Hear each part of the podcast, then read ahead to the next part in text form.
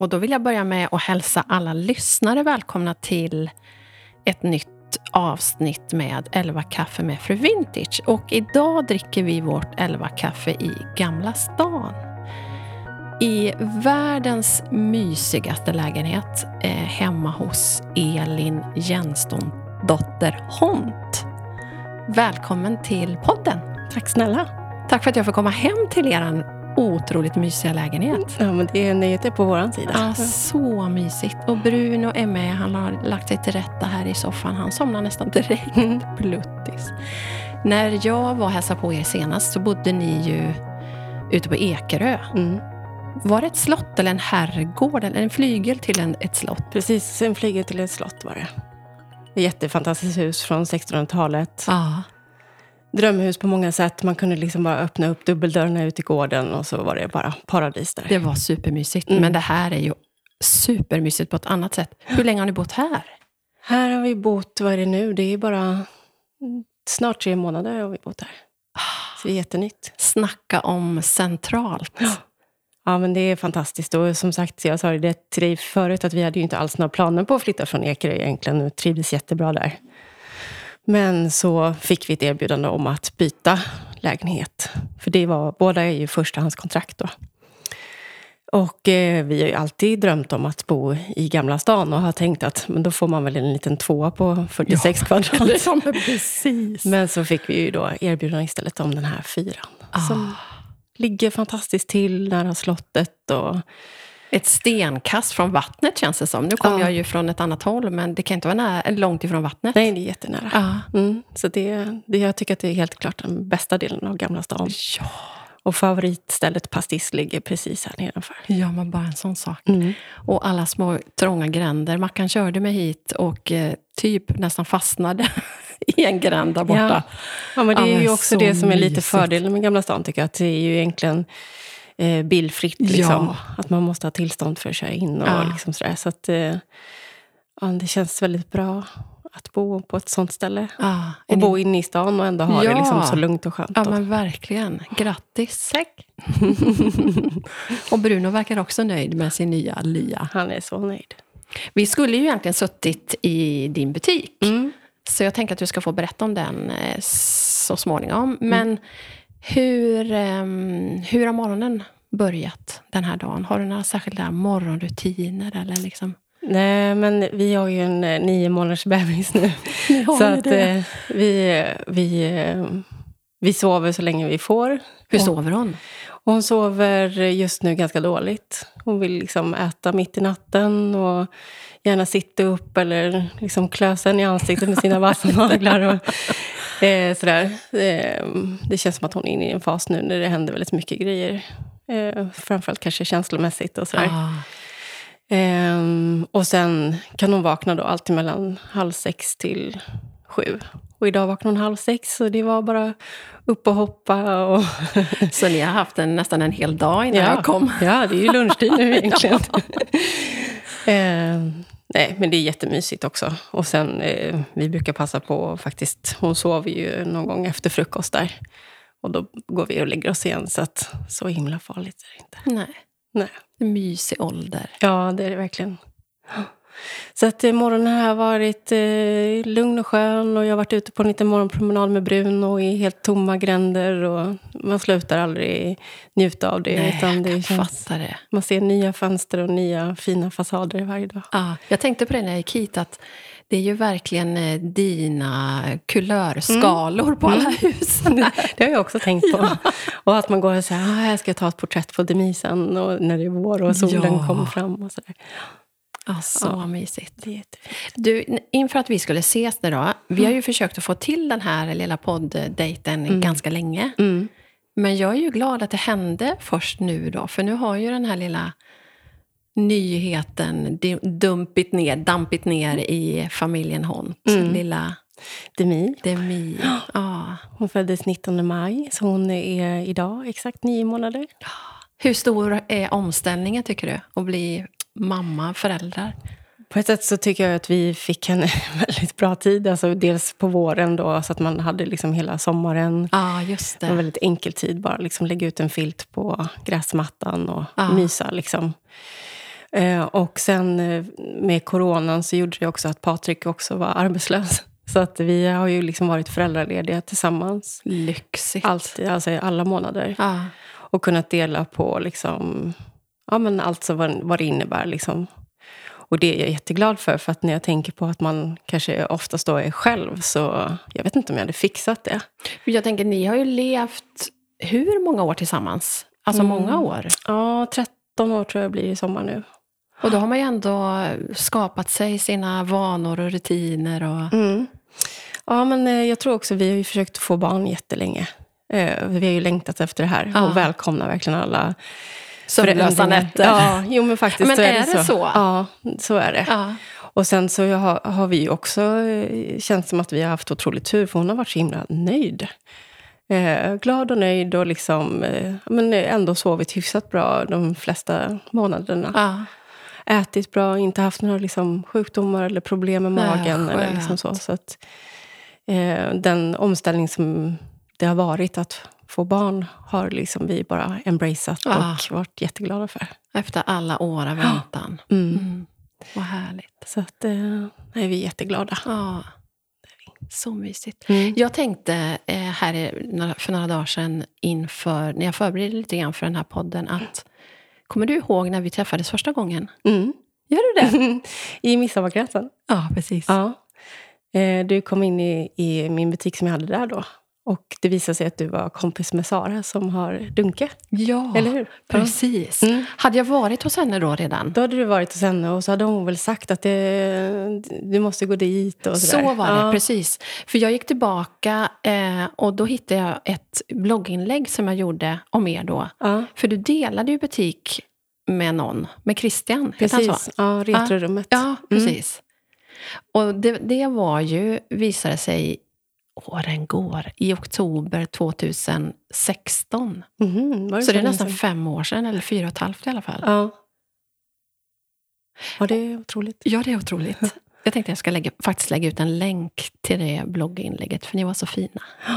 Ja, men jag tittade också ganska nyligen på det blogginlägget och liksom blev lite så nostalgisk när jag såg den butiken. För jag hade nästan glömt bort hur det såg ut där. Och nu har ju två andra kompisar till mig tagit över den butiken och har på andra vem är våningen det där. nu? På andra våningen heter de. Ah, Anna och Rickard. Och de har ju otrolig liksom, eh, smak och stil och liksom jättemycket så design och kan jättemycket om design och vad kul. har målat med Alltså lyxiga- nytillverkat eller är det vintage? Nej, det är vintage eller? också. Ja, Så de har gjort liksom, den lokalen till något helt annat. vad kul. Så dit måste du verkligen åka. Ja, Mm. och då vet jag ju att, jag är säkert inte den enda, jag kallade dig Bodil hela tiden. För, för din butik heter ju, Bo, eller heter, eller hette, Ja. Bodil Vintage. Mm. Hur kom det sig? Nej, men det var nog ett eh, barnnamn från början. Att jag, ja, men får jag någonsin någon flicka så ska hon heta Bodil. Ja. Ja, och så fick jag företag för det. Så fick du just en butik Eh, istället. Ja, och det gick också väldigt snabbt när jag liksom skulle starta företag. Alltså att man ska liksom lämna in papper till Bolagsverket och sådär. Så att jag tog nog det också lite i panik. Liksom. Vad ska jag heta? Så. Ja. så blev det det. Och nu är det ju så självklart med dig och vintage och så, men hur, Mm. hur startade din verksamhet? Eller liksom, hur kom det sig att du startade vintagebutik?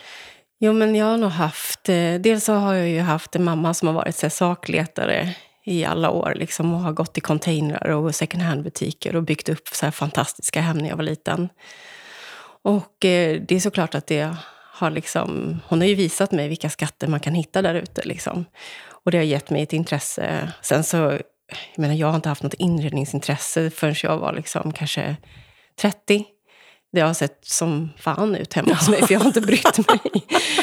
Eh, och liksom flyttat ganska mycket och liksom bott utomlands och lite sådär. Så att jag har aldrig haft något intresse så. Liksom.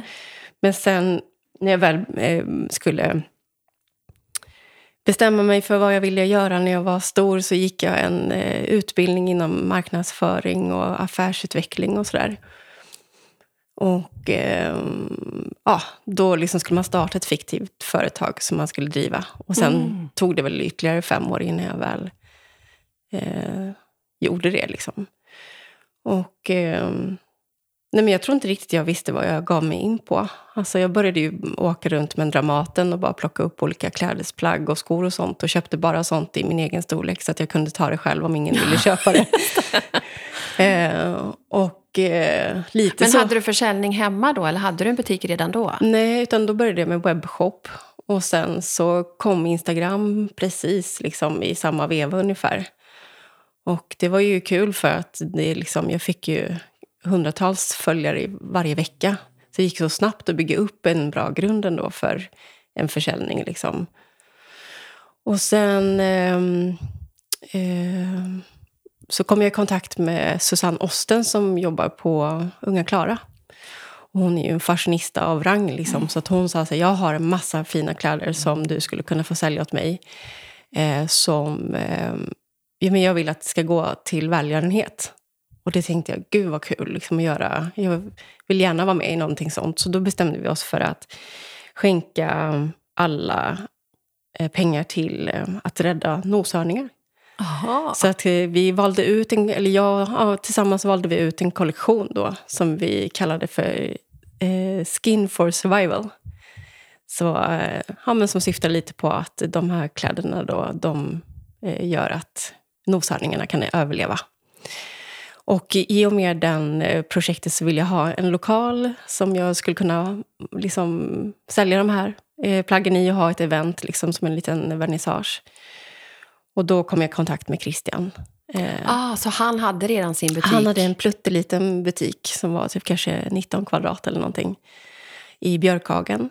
Och så hade vi där och det kom jättemycket folk och jag fick eh, press och allt. Wow. Liksom, det var jättekul. Och sen när jag skulle packa ihop liksom mina saker igen så sa han nej, vad tråkigt, kan inte du stanna kvar här? Och då kände jag bara, nu har jag min chans att eh, ja, men starta en butik. Liksom. Och hur länge sedan är detta? Eh, det är 2000... Alltså jag... Gud, jag dålig på går. Ja. Men jag tror det är åtta år sedan. Vad blir det då? 2012 eller något sånt. Ja. Eller det är kanske länge. Jag vet inte. Nej, jag vet inte. Nej. 2012 Ja, men det är känns länge som sedan. ett bekant datum. Eh, ja, så att, eh, på den vägen är det. Och vad gjorde du innan då? Jag har jobbat eh, på restaurang, jag har jobbat med barn, jag har jobbat på bingohall. Jag har alltså, eh, ja, jobbat på så mycket olika ställen. Jag har aldrig riktigt vetat vad jag eh, vill bli helt Nej. enkelt. Så jag har jobbat väldigt mycket med service. Ehm, och eh, nej men det här är helt klart det jag vill göra. Jag tycker att det är jättekul. Ja. Men idag är det ju inte bara butiken utan du gör alltså stylinguppdrag och så va? Mm, inte jättemycket. Jag har ju försökt liksom, eh, vara en hållbar stylist. Och det har visat sig vara ganska svårt för att många mäklarföretag eh, förstår kanske inte riktigt vad det är. Och vad då ska du bara inreda med vintage? Och liksom, det känns kanske för smalt och alla gillar inte den stilen och lite sådär. Ja, 2021? Ja, jo men så är det. Och jag känner ju att det är starkt det jag vill göra. Jag vill inte hålla på och köpa in stora lager av nya möbler. Sen kan man absolut eh, köpa på Blocket och Marketplace och så också och fortfarande vara hållbar. Liksom. Men jag eh, tycker ju också att eh, det finns otroligt mycket vackrare möbler som var gjorda förr i tiden. Eller hur? Så att, eh, jag gör inte det jättemycket. Och det är också väldigt tufft. Alltså, det är ju som att flytta. Eh, man flyttar in Ja. helt möblemang och sen ska man flytta ut det igen. Och så. Ah, tungt Sen är ju, kroppsligt. ja, men sen tillfredsställelsen är ju otrolig, när man, liksom, speciellt när man får en helt tom lägenhet. Att man får verkligen skapa någonting och se resultatet Mm. direkt. Ja. Men nu är du ju mammaledig. Mm, Men skönt. berätta lite grann om, om den kreativa platsen som vi skulle suttit på. Mm. Ja, men vi skulle ju sätta i butiken då, som heter Swedish Nature Collaborations. Ehm, och det, den blev till dels när jag flyttade från Midsommarkransen, där du var. Ehm, då fick jag en, den här lokalen på Kungsholmen och kände att men jag har ju redan börjat smyg ta in folk som gör handgjorda saker. Eh, bland annat då, eh, Svenska Station som gör jättefina handgjorda stolar. Och då kände jag så här, men nej, men nu vill jag också skapa en, en konceptbutik. Eh, så då tog vi fram tillsammans, och jag ville ha med mig min man på, på resan. Liksom. Så att kan vi inte liksom göra det här tillsammans? Och så döpte vi det till Swedish Nature Collaborations för att ja, ett samarbete med eh, den svenska naturen, svenska hållbara eh, hantverkare. Och eh, tog in helt enkelt då fler som gör ja, men keramik och läderhantverk och, och sådana saker. Just det. Smycken och så. Så det känns jättekul eh, att främja liksom andra personer som är superkreativa och liksom duktiga hantverkare och sådär. Vad roligt. Och sen en del av konceptet är ju också då vintage. Så då har vi idag, jag tror vi är fem stycken vintagebutiker som då vi är återförsäljare för. Ah, Som kommer från hela Sverige. just det. Så att, eh, men det känns som att just nu så är butiken som allra bäst. Den är, vi har så mycket fina saker och samarbetena som vi har är så, det är så fantastiska människor och jag är så glad för det. Så ni håller den öppen nu, även fast du... Alltså är det du som står där eller är det Patrik? Eller vi tar en dag i veckan var. Mm. Så jag står oftast på söndagar och Patrik på lördagar. Eh, och vi har bara öppet på helgerna och sen om någon vill boka tid då. Och det är alltså också, vi hade ju öppet liksom mer förut innan corona och sådär. Men nu så känner man bara så nej men det här är faktiskt väldigt bra. Det kommer folk på helgerna och de har liksom sett ut i förväg kanske lite vad de vill titta på liksom och sådär. Så att, eh, Vad gör Patrik annars? Patrik är ju skådespelare eh, och eh, har då såklart inga jobb nu. Eh, han skulle varit på Malmö Operan nu i vår egentligen. Och de skulle då spela för de fyra eller åtta personerna, eller vad det nu var tänkt. Liksom. Men så visade det sig att det var ändå för stor ensemble och risken för corona där i, var lite för stor. Liksom, så Ah. de sköt upp det ett år. Ehm, och, eh, så nu är han hemma. Så ni har lyx, Ja, eh, så lyxigt. lyxtid. Ja. Och det är fantastiskt för då, ja men det känns som att vi båda liksom hinner också återhämta oss mycket mellan liksom Ja. varven. Och sen få åka till butiken och vara kreativ en dag i veckan och liksom vara social med folk Träffa som lite kommer folk. dit. Ja. perfekt. Så att det, just nu ligger livspusslet väldigt bra. Ja, underbart. Hur Mm. har pandemiåret varit för er? Ja, men det är, som jag sa till dig förut, det känns ju nästan lite oförskämt att säga det, att eh, för oss har det legat väldigt bra. Alltså, vi fick ju då i och med pandemin väldigt mycket tid tillsammans när Demi föddes. Och liksom hela sommaren och hösten har vi liksom varit tillsammans och sådär. Och eh, vi tycker ändå att folk har ju fortsatt liksom bry sig om sina hem, kanske extra mycket nu Ja. när man är hemma så mycket. Så att vi har ju liksom sålt på ganska bra och ja, fått liksom egentligen mer tid tillsammans, vilket vi verkligen har behövt. För vi har också jobbat så otroligt mycket. Eh, Patrik har liksom... Brunan håller på och bäddar här ibland kuddarna. Ja, vad mysigt. Ja, men som sagt, Patrik har ju spelat väldigt mycket kvällar innan och liksom jag har jobbat med mitt och vi har nästan inte setts och sådär. Så att det här är... Lite payback time Ja, något sätt. verkligen. Visst jobbade han med Mamma Mia? Mm, Ja. Fyra år höll de på. Wow. Eh, och tanken var ju att det också skulle sättas upp nu i Göteborg och scenen där är ju, står ju klar och liksom uppbyggt.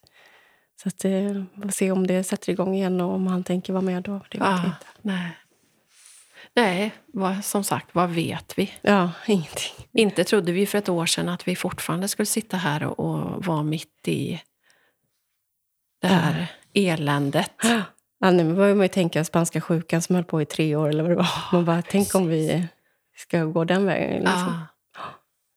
Men som du var inne på, med all respekt för, för människor som har mist anhöriga eller varit jättesjuka eller långtidssjuka och sådär, Mm. så har det ju inte bara varit negativt. Alltså det, är ju, det har ju varit nyttigt för många, den här att man har fått bromsa eller varit tvungen att bromsa karusellen som har snurrat alldeles för fort. Mm, jo, men verkligen. Och det känner jag ju personligen verkligen att, att det, ja, men jag har tagit mig tid att verkligen landa och köra lite yoga och meditation och sånt. Och det har gjort mig väldigt gott. Ja.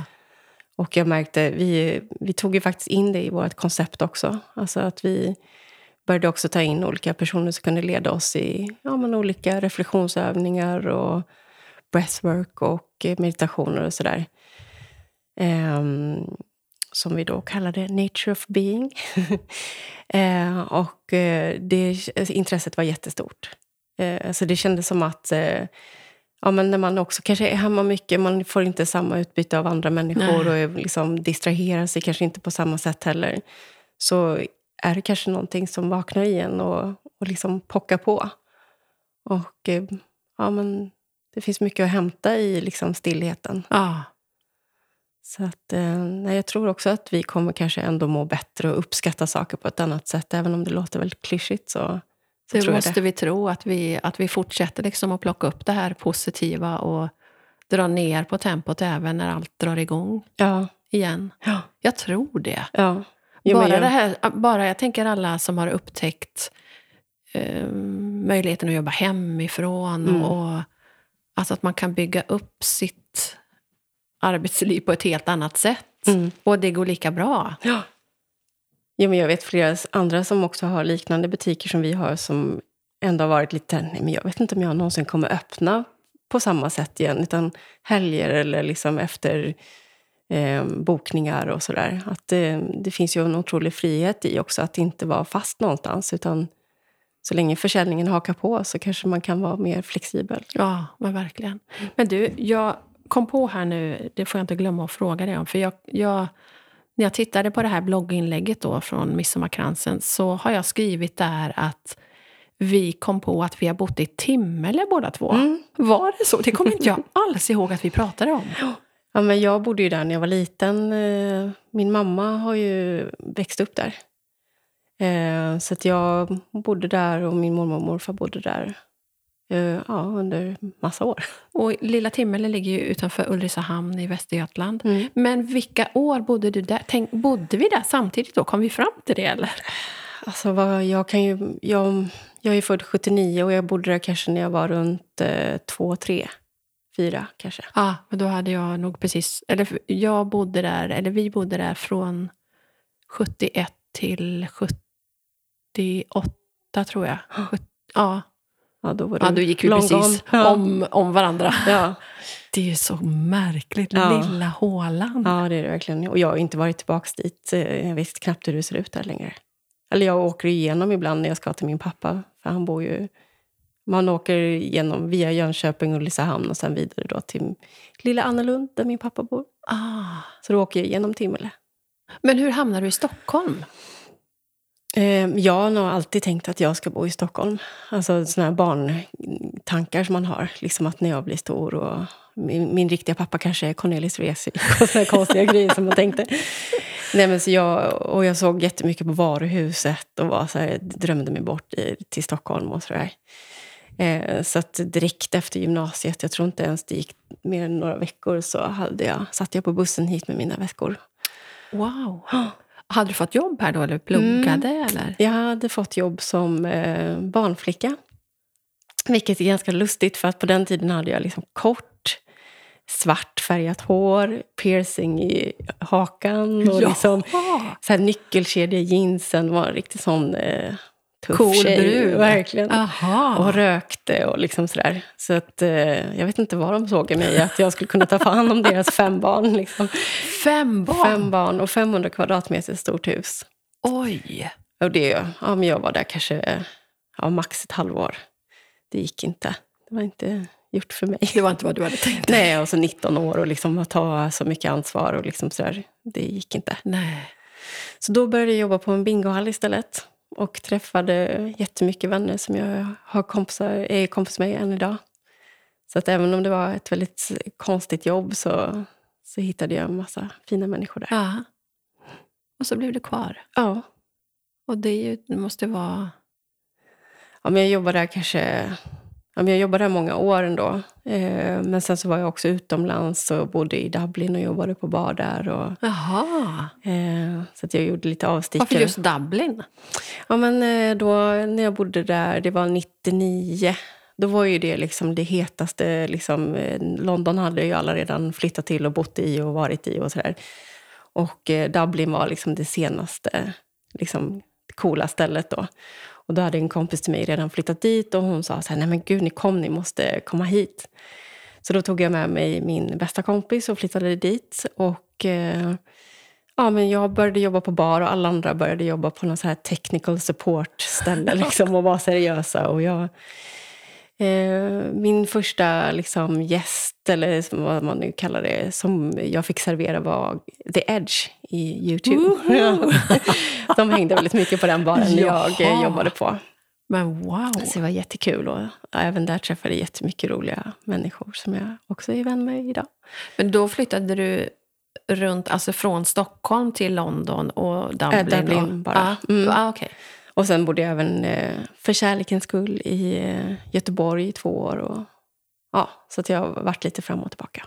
Men träffades Patrik och du här i Stockholm? Ja, det gjorde vi. Träffas i Rålis. Han satt där Jaha. och spelade gitarr på något sant? event. Liksom, och så hörde jag honom sjunga och bara wow, vad är det här för kille? Och sen när jag såg honom så var det verkligen klyschigt. Jag bara, men gud, där är han ju. Nej, du skämtar. Mm. Hur fick du till det? Men det som var bra då var ju att han satt och sjöng och spelade där som trubadur. För eh, det var något evenemang där i parken. Så då... Nej, men för jag kände ju bara att alltså, jag måste ju få kontakt med honom på något vis. Det här, jag kan inte bara gå härifrån nu. Så då satte jag mig typ längst fram och tittade på honom. Och han liksom presenterade sig aldrig liksom vad hans eh, liksom band eller vad han hette. Så här. Han bara spelade på och sen så var det väl i någon paus när han skulle så här, stämma gitarren. Jag bara, hallå, vad heter du? eh, och han liksom bara stammar fram. Ja, ja förlåt, jag heter pa pa pa Patrik Hont. Eh, förlåt. och sen efteråt så, så snackade vi lite och bestämde att vi skulle börja följa varandra på MySpace som var så hett då. Eh, Men jag kunde liksom inte hålla mig utan jag eh, gick hem och kollade upp hans eh, telefonnummer på Eniro. Och sen skickade jag ett sms och sa så här, vill du inte ses på en klippa någon kväll och prata lite? Och han bara, blir halv nio bra? Jag bara, eh, jo, det blir bra. Men wow, Mm. vad modigt av dig. Ja, gud, det är ju ingenting jag skulle någonsin göra. Men, Nej, eh, det men var jag meant kände- to be. Ja, jag fick någon slags bara, nej men det här kan jag inte missa liksom. Så att, eh, det är verkligen tips till alla. att ta på er modet. MySpace, gå in på Ja, MySpace. gå in på MySpace. Se vad ni hittar för bandkillar där. Men förstod han då alltså din, liksom, att du var intresserad av honom? Ha- Hade han ett intresse också? Eller? Ja, jag så tror den första kvällen när vi satt där, vi satt faktiskt på några klippor ute i Gröndal och, och pratade liksom hela natten och sådär. Att det, det uppstod ju någonting direkt. Och däremot så hade väl båda, vi hade varit singlar exakt åtta månader båda två. Eh, och var väl liksom inte egentligen så här eh, att vi, vi tänkte att vi skulle ha träffat någon så snabbt liksom. Ehm, men sen så tog det väl kanske tre veckor av att vi träffades jätteintensivt som bara, nej men gud, alltså det är vi. Och efter två månader så flyttade vi ihop. Eh, Wow, vad fint. ja, Och hur många år sedan är det här då? eh, 13 tror jag det Ja, blir det är nu 13, i ja. sommar. Ja, så det har varit eh, berg och dalbana. Ah, berg- Men jag tänker, jag tänker på just den här intensiva, långa längtan som ni har haft tillsammans då efter barn. Vad Mm. gör det med relationen? Jag tänker att det kan vara lätt att man liksom... Att man inte pallar. Ja. Jo, men det var det jag menade med berg och dalbana. Ja. För att även om det låter jättefint nu när vi träffades och allting, och det har varit jättefint också, så har det också varit jättejobbigt. Vi blev gravida första gången 2009. Och det var ju liksom inte alls planerat, utan bara, men vi kände båda så här, ja, wow, det här var kul. Mm. Eh, och så miste vi det. Och sen så var det väl ändå att vi bara, men vi försöker igen. Och så var det liksom missfall efter missfall efter missfall. Och sen har vi liksom tagit professionell hjälp och sådär. Men det har varit väldigt många år och vi har behövt ta liksom pauser också, längre perioder. Liksom. Och sen äntligen så fick vi vår dotter. Ja. Och det har tagit 11 år. Ja. Så att... ehm, Men har det varit liksom perioder där man... Nej, nu skiter vi i det här. Ja. Vi går åt varsitt håll Jo, och så absolut. lever vi våra liv. Ja, en gång har det varit exakt precis så att nej, nu, nu blir det inte några fler år för oss. Liksom. Och eh, jag tror att jag gick ner kanske 10 kilo på bara en månad och var så helt knäckt. Och, ja, men ändå inställd på att vi inte skulle leva mer tillsammans. Att vi hade liksom nött ut varandra Mm. och sådär. Men eh, det blir ju också så när man går igenom så mycket tillsammans. Man är ju fastklistrade och Ah. liksom att gå vidare ensam eller att ens träffa någon annan som den personen man har blivit eller är känns ju också helt främmande. Liksom. Ja. Och, och jag är så glad att vi, vi tog faktiskt eh, hjälp med parterapi Åh, vad bra. de fem gångerna på gratis. Liksom. Och där fick vi ändå ganska bra fingervisning om vad det är man kanske också individuellt behöver jobba på. Så jag gick eh, KBT i ett år. Eh, Wow. Som är, har inriktning på self-compassion. Vilket jag verkligen behövde. Eh, så jag tror att, och, och Patrik också gick i terapi. Eh, så vi kunde liksom mötas igen efter det. Liksom. Så vi har ju aldrig haft något uppehåll eller så, utan bara hittat tillbaks. Var det det, tror du, som räddade relationen, att ni tog hjälp? Mm, absolut. Det blir liksom också svårt att prata med varandra om vissa saker kanske för att man liksom är fast i ett spår och kanske inte ser jättelätt sin egen del. Eller att man kanske tvärtom är jättehård mot sig själv Ja. och liksom lite på gränsen till självdestruktiv. Liksom. Ehm, så jag tror att det är jättebra att få liksom ett tredje öga. Eh, och bara sen någon som bara, nej men vänta lite nu. Det kanske inte är så konstigt att du känner eller gör så här. Eller Nej. att det här är din spontana reaktion på det här. Eller så där. Utan man får en slags för, förklaring och ett verktyg hur man kan göra istället. Liksom. Mm. Så det tycker jag verkligen alla ska utnyttja. Tack och lov att det är lite mindre tabu idag att faktiskt söka hjälp. Mm. Eh, det gjorde vi när våra, när våra barn gifte sig, både Noah och Ellen, våra äldsta, och gifte sig för många år sedan. Mm. Eh, då fick de i eh, bröllopspresent friskvårdssamtal. Mm. Just för att liksom sänka den här ribban. Att, att det, det ska inte vara svårt att ta den hjälpen. Nej. Och att det inte är konstigt att man behöver, alltså som du säger, ett, en eh, tredje part som kan lyssna och som kan se saker som man inte gör själv. Och, Men har ni tagit hjälp någon gång? Ni har ju också varit tillsammans jättelänge. ja, eh, inte som par, men enskilt Mm. på varsitt håll.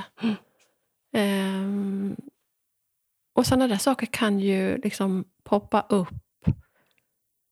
efter flera år och man kanske inte riktigt förstår vad det, vad är det som händer nu. Och så, så vi har gått båda två jättebra. Mm. Som sagt, det rekommenderar vi alla. Mm. Ta hjälp! Jo, men det är ju mycket saker som man kanske också har... Jag har ju växt upp ganska dysfunktionellt och har jättekonstiga liksom, beteenden från den tiden att växa upp så. Som jag inte riktigt fattat att okej, men det här är ju saker jag tar till som en överlevnadsinstinkt. Det är ingenting jag väljer kanske, utan det bara sker fortare än ögat. Liksom. Ja. Och så kanske jag då istället slår på mig själv för att jag reagerade eller sa som jag gjorde. Eller liksom, eh, istället för att förstå att ah, just det, det här har jag ju behövt göra. Det här var mitt sätt som jag tog till. Och det, jag kan inget annat sätt så länge jag inte får syn på det och kan säga okej vänta, nu ska jag bromsa lite här och försöka se om jag kan göra på ett annat sätt. Eller om jag kan vända den här tanken eller känslan till någonting annat. Eller ja, bara liksom försöka på andra sätt. Mm. Jag tror det är jätteviktigt att få syn på de sakerna istället för att man... För jag tror att det är ganska vanligt att man ja, men slår på sig själv väldigt mycket och, och liksom skuldbelägger sig själv. Och det är inte så bra. Det är inte bra. Nej. Och som sagt, det är ju, finns ju bra hjälp att få. Oh ja, verkligen. Men hur har det varit nu när ni ska skapa er egen lilla familj? Om du själv kommer ifrån dysfunktionell...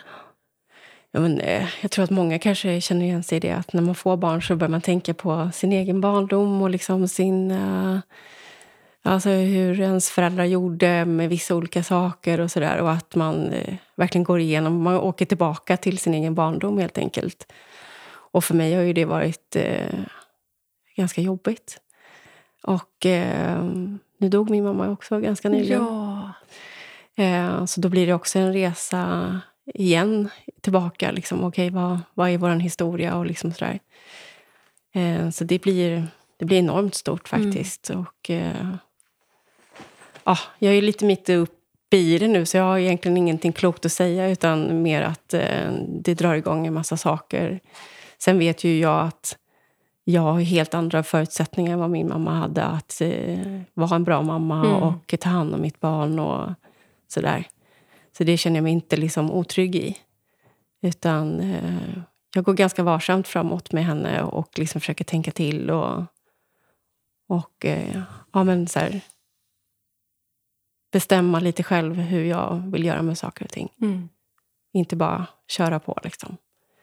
Så jag försöker vara väldigt närvarande i mitt föräldraskap helt enkelt. Mm.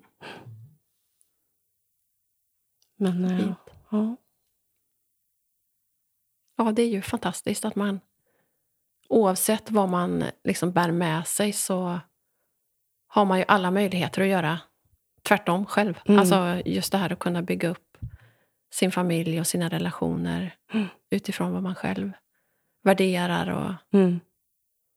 Det är inte lätt att vara förälder. Nej, och jag tänker också att man behöver inte heller ha kommit från en dysfunktionell familj. Utan det kan ju finnas mönster som man har växt upp med som man vill bryta med i alla fall. För att de Verkligen. kanske inte kändes bra. Eller det har kommit eh, nya sätt som man gör på idag. Eller man vet mer om barn idag. Eller Mm. sådär. Så att jag tror att det är många som som sagt eh, får sig en tankeställare när man blir förälder. Liksom, okej, hur, hur, gör vi- hur vill jag göra nu? Ja, Liksom? men precis. Ja. Vad är det viktigaste då som du vill skicka med Demi ut i livet? Mm, men jag vill att hon ska liksom, eh, växa upp och känna sig trygg framför allt. Det är det allra viktigaste för mig. Trygg i sig själv och trygg med mig och Patrik och de vi väljer att ta in i hennes liv. Jag tror att man kommer ganska långt med det. Mm. Eh, faktiskt. Ja, det är ju grunden till Ja. allt på något sätt. Ja, men precis. Så klarar man mycket i livet om man har en, en trygg start. Ja. Och sen så får väl allt komma lite som det kommer. Men ja, som sagt, jag försöker vara närvarande också. Och eh, finnas för henne. Har du någon sån där mm, person eller som du ser upp till eller någon livsfilosofi eller liksom... Jag tycker att jag har väldigt många vänner. Förlåt. vänner som eh, eh, är väldigt bra föräldrar. Eh, det är ju väldigt många av våra vänner som har fått barn. Mm. Så eh, jag tittar mycket på hur de gör och liksom snappar upp så här, "Åh, gud vad fint det där var, eller det där kändes bra, eller vilken bra blick hon har, eller liksom, ja, Mm. Det kan vara allt möjligt. Så, men annars har jag nog inte någon...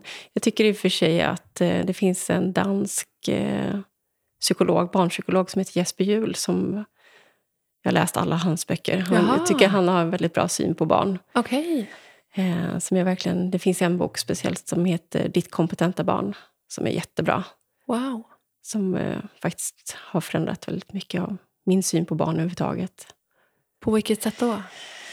Eh, nej, han ser dem väldigt mycket som individer redan från början. Att deras liksom, första eh, vilja är att kommunicera med oss och samarbeta med oss.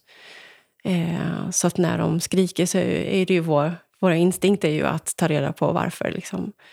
Och det finns en anledning varför. Det är Mm. inget barn som skriker bara för att djävulas. Nej, liksom. precis. Och det går, kan man ju ta med sig också upp i åldern sen. att eh, Även när de har ett språk, att de kan eh, säga eller göra på ett sätt som vi bara, "Ah, vad händer nu? Vad är det här? Liksom. Men att det är ett sätt att kommunicera och att vi kan försöka hitta eh, vad det är de försöker egentligen säga. När de kastar sig på golvet till Ja. exempel. Eller sådär. Mm.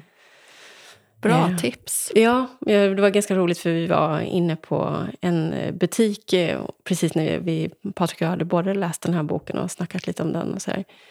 Så var det en eh, liten kille, han kanske var tre, fyra år, som var liksom verkligen, han bara slog bakut och de bara nej men inte där, inte hit, nej nej nej, bara, "Ja, om du inte slutar nu så går vi hem snart. Och då vart han ju helt lugn och bara va? Ska, ska, vi, gå, ska vi egentligen gå hem? Ja. Och då, då skrattade vi båda två, Patrik och jag, för att alltså, det är roligt för att de hade ju liksom en konflikt med honom, att han inte betedde sig in i den här butiken som han inte ville vara i. Han Nej. var ju där för deras skull. Ja. Och eh, att de då ville liksom straffa honom lite med att om du inte skärper dig så går vi härifrån. Och han bara, Äntligen. yes! ja. ja, vad roligt. Ja. Men när det kommer till kreativa förebilder, har du någon, någon där som du hämtar inspiration ifrån? Eller? Eh, det har jag säkert, men jag är så himla dålig på namn och plocka ut folk och liksom eh, sådär. Så att, eh, jag tycker att jag kan bli väldigt inspirerad av massa olika konstnärer, musik, folk på Instagram som gör fantastiska saker som man följer. Mm. Eh, det finns otroligt mycket inspiration idag. Det gör ju det. Ja. Ett Eh, evigt flöde. ja. Mm. Sen tycker jag att det är väldigt kul att ja, titta på gamla filmer och sådär. Eh, nej, så det, det är nog mycket att jag hittar inspiration i kultur. Liksom. Vad kommer ditt... För du har ju ett väldigt tydligt... Eh, vad ska jag säga? Tydlig stil. Mm. Vad, kommer, vad kommer den ifrån? Just den här, liksom, det känns så naturnära på Mm. något sätt, eller vad ska man säga? Men det är roligt för att när vi skulle flytta hit så tänkte jag här, "Men nu ska vi bo i Gamla stan, man får inte resa längre. Jag vill att det ska kännas europeiskt här. Att liksom, kan man inte resa så kan man komma hem till mig och så känns det som att vi kanske är i Italien eller Paris eller så. Så jag började liksom leta efter mycket så här, äh, marmorgrejer och liksom, eh, stolar med stålrör. Och liksom att jag ville att det skulle se ut som att vi var på Pigalle i Paris. Liksom. Eh, och sen när vi väl började inreda här så, bara, nej men så blev det så här i alla fall. Liksom det här naturnära, jordnära färgerna och så där. Och jag tror att det egentligen i grund och botten handlar om att eh, när eh, jag som har så jävla mycket tankar och grejer hela tiden för mig måste ha ett lugnt hem. Jag klarar inte av att ha det stökigt hemma även fast jag älskar att åka hem till folk som är så här bohemiskt stökiga och bara superkreativa. Och det står liksom mat framme på spisen hur länge som helst. Och så här, jag tycker att det är så härligt. Liksom. Men jag klarar inte av att ha det så själv. Men visst är det märkligt att det är Mm. så? Att man tycker att det är skönt och avslappnat hos andra, Ja. men inte hos sig själv. Nej. Nej, men jag, och jag kan absolut ha stök, alltså leksaker på golvet och liksom sådär. Det är inte som att det måste vara kliniskt rent, men jag tror att när jag väljer mina material i liksom, eh, möbler och tyger och sånt så måste det vara lugnt. Liksom. Jag måste ha någonstans där jag kan landa. Mm. Och du får inte säga för mycket. Och så får man väl vänta tills man får åka till Paris igen Ja, och gå på, precis. bo på Pigalle igen. Är det dit du drar när, du, när vi kan resa igen? Mm, eller Italien kanske. Eller hur? Italien. Men nu har jag ju några vänner som bor i södra Frankrike också som jag vill jättegärna hälsa på. Ah, dröm. Eh, Ja, hoppas vi får resa snart. Ja, det får vi verkligen hoppas. På, på tal om det, eh, vi ska runda av. Tiden Mm. går ju så fort när man, när man poddar. Mm. Men ehm, framtiden, hur ser du på framtiden? Vad är drömmarna? Vad... Alltså jag vet ju inte. Nu har jag ju Bodil Vintage som jag har haft då i, i åtta år. Har jag vilande just nu. Ehm, och ehm, vi får se om jag tar upp det eller inte. Det har varit ett väldigt hårt jobb och jag har Ja. älskat det. Men jag vet inte om jag har kapacitet nu när jag har barn och så. Eller på vilken nivå jag ska lägga Nej. det. Eh, sen har jag varit också väldigt nyfiken på att kanske vara liksom, eh, använda min lokal som en plats för eh, fler liksom, personer som jobbar med olika former av healing eller meditationer och sånt. Att det kanske är det. För de gångerna som jag har liksom förberett butiken för att det ska vara en sån plats och jag har satt på stämningsfull musik och tänt lite rökelser och liksom, eh, gjort i ordning så har jag känt att bara, åh, det är någonting som harmonerar med min själ. Liksom. Eh, så då har jag tänkt att jag kanske bara blir en sån spaceholder för att eh, människor ska komma dit och bara må bra. Eh, sen får vi se om det är ett frö som inte blir någonting av. Eller, jag vet inte. Jag, tycker, jag ska vara mammaledig ett år, har jag tänkt. Så eh, Då har du lite tid på dig att ja, tänka framåt. Det känns som att många kommer på vad de vill under den tiden. Mm. Så att jag hoppas det gäller även mig. Men som sagt, annars har du ju eh, spännande eh, alltså business att falla tillbaka Mm. på. Ja, men absolut. Ja. Men gör du några stylinguppdrag och så? Eh, Någonting nu? nej, Nej. det är jag inte. Eh, dyker upp någonting jättekul så är det klart att jag vill det. Jag vill ju fortsätta vara kreativ. Mm. Men eh, ingenting som jag liksom tar initiativ till själv. Utan, eh, Nu är det Demi som gäller. ja, Mm. och det som kommer min väg kommer min väg, Mm. tänker jag. Det är rätt tänkt. Mm. Tusen, tusen tack Elin tack. för den här lilla kaffestunden. Ja, Nu ska vi stänga av mickarna och dricka färdigt vårt kaffe. ja. Tack så jättemycket för att jag fick komma till dig. Men tack själv, det var jättekul att få vara med. Jag vet inte ens vad vi har pratat Inte jag om. heller, men det vet man aldrig när man stänger Nej. av. tack också till er som har lyssnat. Hej då! Tack. Hej då!